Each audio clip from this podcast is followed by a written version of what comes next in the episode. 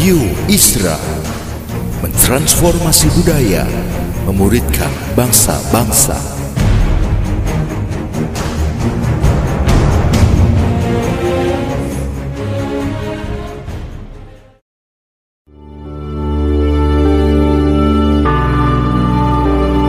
Apostolic Prophetic Messages mengungkapkan pesan dan arahan dari hati Tuhan bagi gerejanya demi menuntaskan mandat kerajaan Allah di Indonesia dan bangsa-bangsa.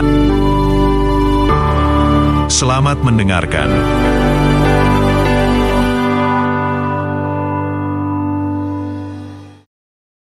Shalom saudara-saudara, apa kabar? Saudara kelihatan bahagia hari ini. Saudara kelihatan bersuka cita hari ini. Nah, kita masih tetap uh, tetap dalam keadaan waspada, berjaga-jaga. ya, kita tetap uh, melihat sekalipun ada banyak sekali hal yang sudah semakin membaik di Melbourne ini. Saya melihat bahwa uh, kita sudah semakin loose dalam banyak hal. Tapi ya kita tetap masih berpikir ini bagaimana di depan ini. Ya kan masih mikirnya begitu. So many people at the moment gini sudah nggak takut barangkali, sudah nggak terlalu cemas, tapi uncertainty-nya itu yang masih ada ya ketidakpastian itu masih tetap uh, menguasai cara berpikir kita. Jadi uh, nggak tahu akan beberapa kali saya berkhotbah dalam uh, title ini, tapi saya ingin supaya kita uh, membahas tentang uh, battling uncertainty, bagaimana kita uh, bertempur melawan atau ya kita fight melawan ketidakpastian. Sebab ketidakpastian itu enggak dia datang sangat pelan ya, dia datang sangat pelan. Dia datang dia kuasai cara pikir kita sampai dia bisa menguasai loh hati kita dan perasaan kita sampai kita kemudian susah tidur, kita kemudian susah banyak banyak hal karena ketidakpastian ini. Nah, di, di Alkitab ada ada beberapa cerita mengenai ketidakpastian. Jadi kita mau baca di Alkitab dan kemudian kita mau belajar untuk melihat how how the Word of God uh, tells us the way we face uh, uncertainty apa yang di-share oleh Ibu Jovita tadi saya kira perlu kita note betul bahwa kita tetap berpegang teguh pada iman kita. Semakin jelas ya bahwa kita sedang diperhadapkan dengan situasi di mana orang malah nanya, "Kamu masih beriman itu gimana caranya ya?" Karena beberapa orang tentunya mereka masih Kristen dan mereka udah melepaskan imannya mereka. Mereka udah jadi cuek jadi berkata ya udahlah terserah deh apa mau jadi apalah gitu ya. Istilah kesera-sera ya yang mau jadi jadi aja. Tapi harusnya kita sebagai orang percaya kita dapat menyikapi dengan cara yang baik, dengan cara yang tepat. Bagaimana uh, kita sebagai orang percaya bisa melihat ini uncertainty datang, apa yang harus kita kita sikapi. Ya mari kita baca uh, beberapa bagian ayat-ayat Alkitab. Kita akan membaca dari kitab uh, kita mulai dulu dari kitab Keluaran pasalnya yang ke-32. Keluaran pasalnya yang ke-32. Nah, sangat disayangkan untuk kitab Keluaran ini ini adalah contoh negatif tentunya yang terjadi pada mereka. Ya. Kita mau baca ayat 1 sampai ayatnya yang ke keempat sajalah ya uh, atau ya mau kita lihat sah sampai ayat yang keempat tadi kita baca. Judulnya udah jelas anak lembu emas. ya you know itu adalah uh, penyembahan berhala pertama yang terjadi pada bangsa Israel dalam perjalanan mereka keluar dari Mesir. Anak lembu emas. Tapi kan tentu saudara tahu bahwa penyembahan berhala ini hanyalah ekspresi dari kefrustrasian mereka menanti ya. Menanti ada ketidakpastian dalam mereka ya. Coba kita coba kita baca ayatnya yang pertama. Kita lihat dulu. Ketika bangsa itu melihat bahwa Musa mengundur-undurkan turun dari gunung itu, maka berkumpullah mereka mengurumuni Harun dan berkata kepadanya, Mari, buatlah untuk kami Allah yang akan berjalan di depan kami sebab Musa ini, orang yang telah memimpin kami keluar dari tanah Mesir. Kami tidak tahu apa yang telah terjadi dengan dia. Lalu berkatalah Harun kepada mereka, Tanggalkanlah anting-anting emas yang ada pada telinga istrimu, anakmu laki-laki dan perempuan, dan bawalah semuanya kepadaku. Lalu seluruh bangsa itu menanggalkan anting-anting emas yang ada pada telinga mereka dan membawanya kepada Harun. Diterimanya lah itu dari tangan mereka, dibentuklah dengan pahat dan dibuatnya daripadanya anak lembu tuangan. Kemudian berkatalah mereka, Hai Israel, inilah Allahmu yang telah menuntut engkau keluar dari tanah Mesir. It's a very sad story, though. Maksudnya ini cerita yang sangat uh, sedih tentang bagaimana orang menukarkan iman, menukarkan uh, apa yang Tuhan kerjakan, mereka tukarkan dengan hal yang lain. Ilah lain menjadi bagian mereka. Nah, saudara mungkin berpikir, wah ini ini ya terjadi begitu aja. Enggak. Ini akarnya sudah ada. Akarnya sudah ada dan sangat jauh akarnya ini sudah ada. Coba kita lihat dulu sejarah orang-orang ini. Nah, mari. Mereka sekarang ini ada dalam 40 hari setelah mereka keluar dari Mesir. Mereka tunggu Musa di atas gunung. Itu sudah 40 hari Musa nggak turun-turun. Ya. Jadi ada 40 40 tapi ya mereka udah nunggu kok Musa nggak turun-turun ini. Ke mana dia? Mereka kemudian punya ekspektasi karena mereka tahu Musa ke atas ketemu siapa? Ketemu Tuhan. Oh iya, mereka tahu itu kan. Di pasal 30 itu apa dari pasalnya ke 19 dan seterusnya mereka tahu bahwa Musa naik ke atas gunung itu ketemu Tuhan. Kok Tuhan nggak datang-datang? Kok Tuhan nggak turun-turun nih? Kenapa nih? Mereka marah. Tapi kan mereka tahu mereka diperbudak berapa tahun? 420 tahun. Bayangin gak mereka menunggu 400 tahun? Kalau saudara pernah frustrasi nunggu sesuatu, ah, baru saya beritahu buat saudara. Bangsa Israel 400 tahun tunggu. Mereka tunggu. Mereka tentu udah dengar cerita. Mereka dengar cerita dari bapak mereka, dari uh, dari dari nenek moyang mereka, mereka cerita sumber ceritanya dari Yakub tentunya Yakub punya pengalaman dengan Tuhan. Yakub menceritakan tentang uh, Ishak, kemudian menceritakan tentang Abraham, menceritakan sama semua patria di mana mereka berjalan dengan Tuhan, mereka bergaul dengan Tuhan. Pasti Yakub pernah cerita tentang Henok pada mereka, udah pasti.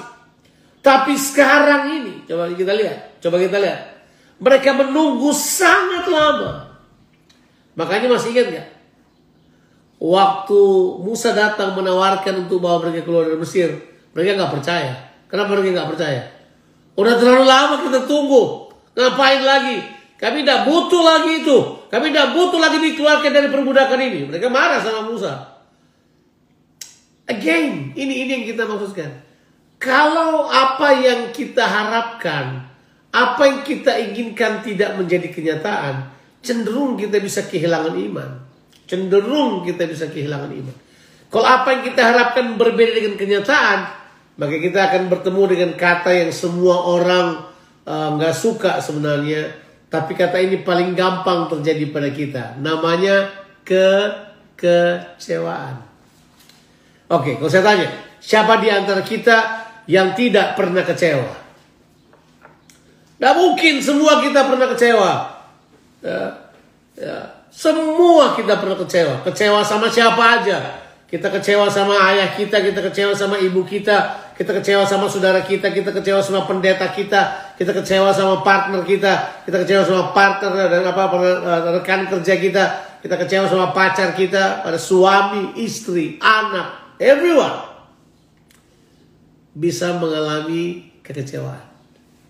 Oh ya, dan kalau kita sudah kecewa untuk menanti sesuatu, ini anehnya kekecewaannya Kekecewaan itu dia dia nggak rubah keinginan kita, Dia cuma tukar arah iman kita. Itu kekecewaan. Oh, kita tetap berharap yang baik terjadi pada kita, tapi dia rubah pengharapan kita. Jangan pada Tuhan ke yang lain aja. Berharaplah bahagia dari situ. Berharaplah kenyamanan dari situ. Berharaplah hidup yang lebih enak dari situ. Coba. Begitulah kekecewaan bekerja. Makanya kalau sudah pernah dengar istilah ini, ya hati-hatilah. Kekecewaan adalah pembunuh iman. Uh, ya saya kalau saya sih saya bilang dia pembunuh iman nomor dua terbesar. Nomor satunya itu kenyamanan. Tapi nomor dua adalah kekecewaan. Orang kalau sudah kecewa itu akan berbahaya sekali. Kalau ada hal yang Yesus peringatkan berulang-ulang adalah dia berkata apa? Janganlah kamu kecewa dan menolak aku. Sebab kata kecewa dan menolak Tuhan itu selalu berjalan bersama-sama. Nah, segala sesuatu yang kita alami yang kemudian seperti nggak ada ujungnya itu selalu memberikan pertanyaan, uncertainty, hal yang kita tidak suka, hal-hal yang tidak nyaman dalam diri kita. Nah, nah ini yang saya mau katakan kepada saudara. Bangsa Israel itu sudah 400 tahun tunggu. Sekarang Musa datang. Hmm. Yuk keluar. Kita pergi menyembah. Dalam perjalanan keluar mereka dikejar oleh orang itu. Tak oleh orang Mesir. Tapi Tuhan tetap menunjukkan. Ingat jangan lupa saya tidak tahu kalau sudah pernah mendengar saya berkhotbah tentang tiang awan dan tiang api. Itu tuntunan Tuhan. Kalau tiang awan dan tiang api tuntun, Tuhan selalu membawa mereka kepada jalan yang mereka nggak suka. Bahkan kalau sudah baca, kenapa mereka terjebak di laut Teberau? Karena tiang awan dan tiang api yang tuntun ke situ. Orang bakal tanya, ini kita perlu GPS yang baru nih daripada ikutin tiang awan dan tiang api. Sebab tiang awan dan tiang api membawa kita kepada dead end. Di kita nggak bisa ke mana-mana. Bukit di sebelah kanan, laut teberau di depan kita, bangsa apa bangsa Mesir di belakang kita. So we are dead meat. We cannot go anywhere. Tapi di situlah kita menemukan bahwa Musa berkata kepada mereka, Tuhan mau berperang ganti kamu. Kamu akan diam aja. Musa mengangkat tongkatnya, laut teberau terbelah, mereka berjalan lagi. Setelah mereka berjalan, kemudian mereka sampai kepada sebuah tempat, pengalaman yang gak nyaman lagi. Air pahit namanya. Masih tahu ingat air pahit nggak? Ya. Di, di Masa dan Meriba itu, keluaran pasalnya yang ke-15. Tapi Musa kemudian bereskan air pahit itu. Kemudian mereka berjalan ke sebuah tempat. Dari Masa dan Meriba, mereka sampai ke sebuah tempat yang namanya Elim. Di mana situ Tuhan ajar lagi mereka. Kalau kamu ikuti tuntunanku, selalu ada hal yang lebih baik. Nah, saya mau tambah kata ini. Beyond your expectation. Ada hal yang lebih baik beyond your expectation. Tuhan menyiapkan hal. Jadi mereka waktu sampai di Elim, saudara mesti tahu di situ ada apa? 24 mata air dengan 70 pohon korma. Itu berarti mereka pesta pora. Gak ada air pahit lagi. 70 pohon korma itu udah oasis besar-besar di situ. Dan kita tahu bahwa mereka kemudian menikmati pesta yang luar biasa. Nah Tuhan coba bilang buat mereka. Kalau kamu lepaskan ekspektasimu. Kamu akan menerima sesuatu yang lebih besar daripada itu. Nah sekarang kita sampai kepada peristiwanya. Ingat, apa kesalahan bangsa Israel yang paling besar? Ini dia. Kita sering kali di dalam penantian, kita sering kali di dalam berhadapan pada ketidakpastian, kita itu lebih menguatkan keinginan kita dan ekspektasi kita daripada mendengarkan suara Tuhan. Nah, makanya kalau sudah baca dari pasalnya yang ke-19 dan 20 kita keluaran, saya tidak mau mundur ke situ sudah baca sendiri di rumah. Di situ dibilang begini, Waktu Tuhan mau berbicara pada bangsa Israel, Musa udah ngomong sama mereka ini. Guys, kita ngumpul di kaki gunung ini. Because the Lord our God will speak from heaven to us. Jadi mereka oke, okay. mereka udah ngumpul tunggu di situ. Ya ini dia lagi. Again, expectation. Waktu mereka dengar Tuhan mulai berbicara, Alkitab bilang, Waktu Tuhan berbicara, disertai halilintar, guntur, kilat, sambar menyambar. Apa yang terjadi? Ketakutanlah mereka. And then what happens? Mereka ganti keinginan mereka sambil berkata begini. Janganlah Tuhan berbicara kepada kami. Biar Tuhan bicara pada Musa, baru Musa bicara pada kami. What happened? Again, unexpected terjadi pada mereka. Mereka kemudian tukar, tidak mau mendengarkan firman Tuhan secara langsung. Mereka mau mendengarkan dari apa? Mulut Musa. Ah, ini yang saya mau beritahu pada saudara. Masa-masa pandemi kemarin, masa-masa di mana kita dikurung di rumah, sebenarnya Tuhan mau berkata begini, ini waktunya aku bicara langsung padamu. Aku tidak perlu bicara lagi lewat Jonathan Patiasina. Aku tidak perlu bicara lagi dari siapa hamba Tuhan yang lain. Langsung kepadamu aku mau berbicara. Aku mau sampaikan isi hatiku kepada kamu. Tuhan sebenarnya maunya begitu. Tapi kita punya ekspektasi selalu lain. Ekspektasi kita selalu adalah ekspektasi yang kita bangun berdasarkan apa yang kita suka, yang nyaman buat kita, enak buat kita. Tapi kita tidak menginginkan tujuan Tuhan terlaksana dalam kehidupan kita.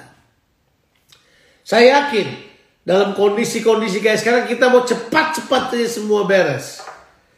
Saya ketawa ya Joni dan Lala. Joni ngomong begini sama saya. Ini Bang Jo sekarang ini udah kayak di depan gate nih. Begitu pintu terbuka, Bang Jo naik pesawat pergi ke mana aja gitu katanya. Ya. Ini mereka punya ekspektasi Jonathan bakal berangkat-berangkat kalau sudah terbuka pintunya. Padahal kalau mau jujur Jonathan berkata, enak di Melbourne lah saya kan lebih asik tapi kadangkala orang punya ekspektasi ya orang berpikir ekspektasi saya segeralah pintu terbuka begitu ada kesempatan wah Jakarta Makassar Papua Amerika ke mana lah dia mau pergi but that is not coba saudara berpikir ada hal yang kita harus taruh harapan kita itu beyond our expectation Nah, kita punya kita punya harapan kan terbatas. Harapan kita cuma karena masalah di depan kita.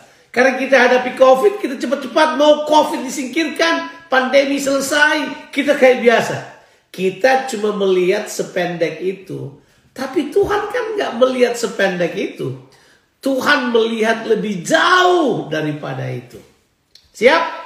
Nah, saya mau sudah uh, tangkap dulu hal ini. Bangsa Israel tuh kayak begitu. Jadi sekarang Musa naik ke gunung mau terima apa tuh firman Tuhan, eh, hukum Taurat itu. Berapa lama dia di atas? 40 hari. Mereka tunggu 40 hari nggak sabar. Mereka berkata, that's it. Sudah cukup, gini. Pergi ke Harun. Harun, udah. Permintaannya udah nggak muluk-muluk. Buatkanlah kepada kami Allah yang lain. Gila. Menurut saya gila banget.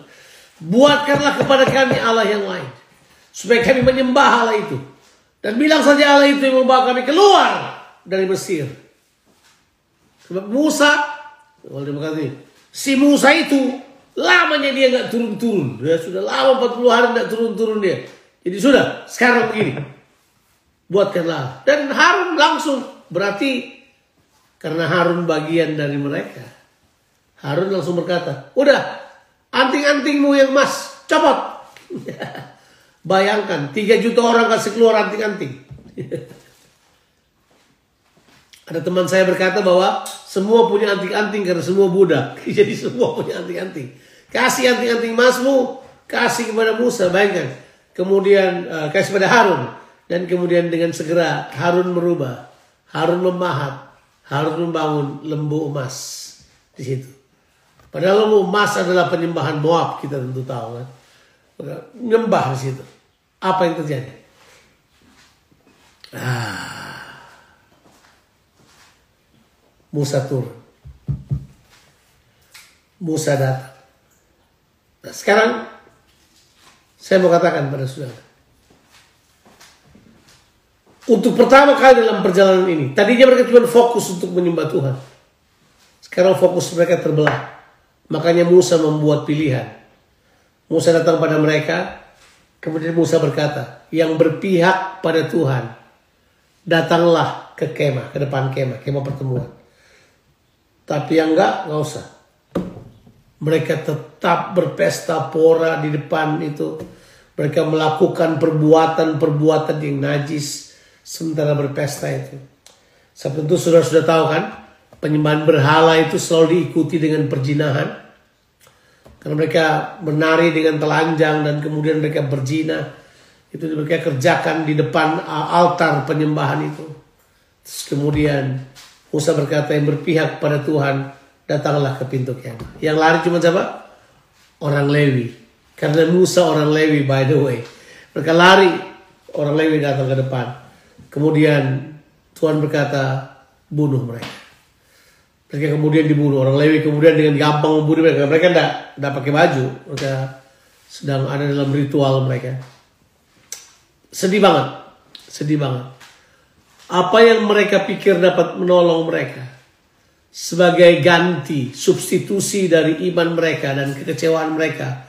Karena ketidakpastian. Itu telah menghancurkan mereka. Nah, ada banyak orang yang seperti itu pada masa-masa sekarang. Mereka tidak punya pengharapan. Nah, yang saya ingin katakan kepada kita sekalian. Mari kita bawa cerita ini kepada cerita yang lain. Sadrak, Mesak, dan Abednego. Sudah tahu cerita ini. Cerita ini adalah cerita yang uh, hampir mirip tapi ini lebih berbeda. Sadrak, Mesak, dan Abednego itu mereka juga adalah tawanan. Mereka juga budak sebenarnya. Tapi karena mereka dipilih oleh oleh oleh Raja Nebukadnezar, mereka kemudian diangkat menjadi penasehat-penasehat ya uh, di di apa di di daerah uh, Babilonia karena mereka pintar bersama dengan Daniel. Anehnya pada waktu itu Daniel tidak termasuk di situ ya. Cuma tiga orang ini, Sadrak, Mesak, dan Abednego. Mereka sekarang diperhadapkan dengan hal yang sama. Isu penyembahan. Mereka mau menyembah Nebukadnezar yang mendirikan patungnya untuk disembah. Atau mereka eh, mau tetap menyembah Tuhan. Saya tidak punya tidak punya waktu panjang untuk menjelaskan pada saudara, tapi saudara tentu sudah pernah mendengar cerita ini berkali-kali. Kalau sudah baca uh, pasalnya yang ketiga, saya langsung baca saja pasalnya yang ketiga, ayat 14 ya sampai ayatnya yang ke-16. Saya saya mau baca ayat 16 saja secara langsung pada kita semuanya sebab ayat 16 dan 17 ini adalah ayat kunci dari apa yang diputuskan oleh Sadrak, Mesak dan Abednego. Bayangkan kegelisahan hati mereka. Setiap kali bunyi itu dinyatakan dan kemudian mereka harus menyembah. Tapi kali ini mereka nggak buat itu. Raja berkata, benar kamu nggak mau, sekarang kita harus buat di depan saya. Akan ada seruling, bunyi, kalau itu bunyi, kamu harus menyembah. Ayat 16 saya bacakan kepada saudara. Lalu Sadrak, Mesak, dan Abednego menjawab Raja Nebukadnezar. Tidak ada gunanya kami memberi jawab kepada Tuanku dalam hal ini.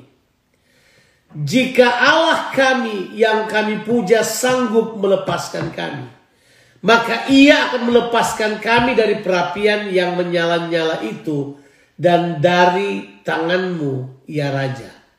Ayatnya yang ke-18. Ini poin yang saya mau sampaikan kepada kita. Tetapi seandainya tidak. This is what I said.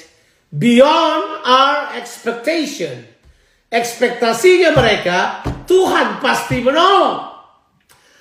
Tapi seandainya tidak, ah, hendaklah tuanku mengetahui raja bahwa kami tidak akan memuja dewa tuanku dan tidak akan menyembah patung emas yang tuanku dirikan itu. Maka meluaplah kegeraman Nebukadnezar. Air mukanya berubah dengan sadrak mesar dan Abednego diperintahkan supaya perapian itu dibuat tujuh kali lebih panas dari yang biasa kepada beberapa orang yang sangat kuat dan tentaranya dititahkan untuk mengikat Sadrak, Mesak, dan Abednego dan mencampakkan mereka ke dalam perapian yang menyala nyala itu. Wow. Coba. Hai, ayo don't know, but I like this. I like this.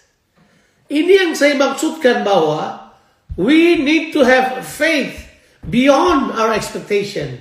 Kita harus punya iman beyond apa yang kita harapkan. Kalaupun kita harapkan tidak menjadi kenyataan, it's okay. It's okay, kita tetap punya harapan yang kekal di dalam kita karena iman yang kita miliki. Jadi, salah satu kunci untuk berhadapan dengan ketidakpastian adalah tanggalkan ekspektasimu. Dengarkan firman Tuhan dan harapkanlah firman Tuhan itu yang menuntun kita. Ah, itu itu lain. Nah, kita kadang-kala datang kepada Tuhan dengan ekspektasi kan. Bahkan saya sering mendengar orang berkata, God will meet you at the point of your expectation. oh, nah, Tuhan akan bertemu saudara pada iman saudara atas firmannya. Itu jelas. Bukan pada ekspektasi. Nah, orang mempermainkan ekspektasi mereka. Ekspektasi saya ini, ekspektasi saya itu. Hal yang buruk bisa terjadi pada saudara. Tapi God can do something beyond your expectation. Nah dalam ayat yang kita baca tadi. Saya suka Sadrak, Mesak, dan Abednego. Waktu mereka berhadapan sama isu hidup dan mati. Mereka berkata ini, kalau toh Tuhan tidak tolong. Nah, kan itu ekspektasinya dia. Tuhan pasti tolong. Tapi kalau Tuhan tidak tolong, ketahuilah Raja. Aku akan tetap menyembah Tuhan. Aku tidak akan seperti bangsa Israel yang akan ganti penyembahanku hanya karena ekspektasiku.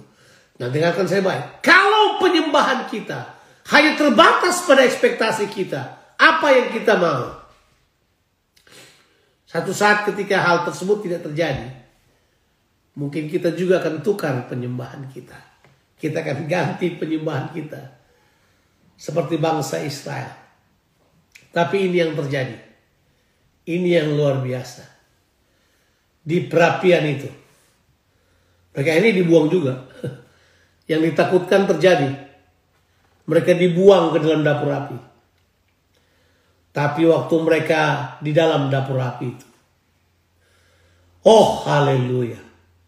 Coba saudara lihat ayatnya yang ke-25. Ini raja kaget sekali. Raja berkata kepada ayat 24 begini. Bukankah tiga orang yang telah kita campakkan dengan terikat ke dalam api itu? Lihat. Tiga orang dicampakkan dengan terikat ke dalam api itu. Mereka menjawab raja. Benar ya raja. Katanya. Tetapi ada empat orang kulihat berjalan-jalan dengan bebas di tengah-tengah api itu. Mereka tidak terluka. Dan yang keempat itu rupanya seperti anak dewa. Son of God. Lalu Nebukadnezar mendekati pintu perapian yang menyala-nyala itu.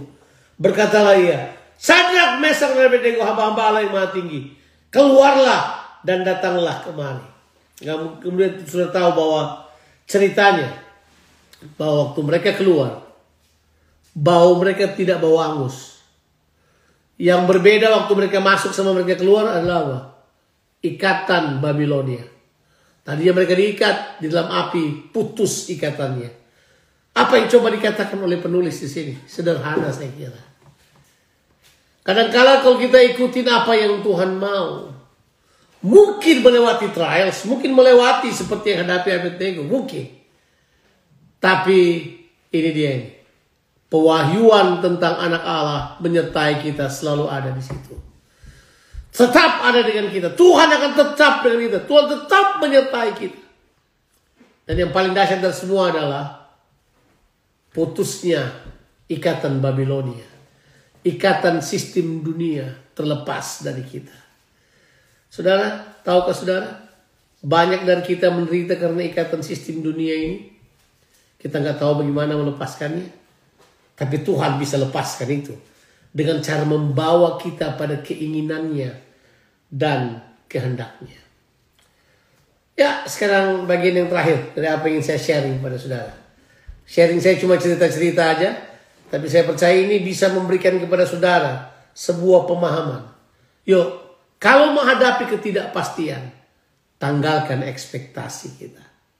Selebihnya adalah ini. kita kemudian mendengarkan suara Tuhan. Berjalan bersama-sama dengan dia. Saya cerita aja yang terakhir ini. Waktu Yesus mati, semua murid-muridnya itu betul-betul patah hati. Saya pernah membuat sebuah lagu atau kompos sebuah lagu judulnya Harapan Jangan Terkubur. Itu kalau tidak salah uh, Lia Patiasina pernah nyanyi lagu itu di sini dan bagus banget. Di di cerita itu orang-orang Israel menolak Yesus. Murid-muridnya berharap mereka menerima Yesus.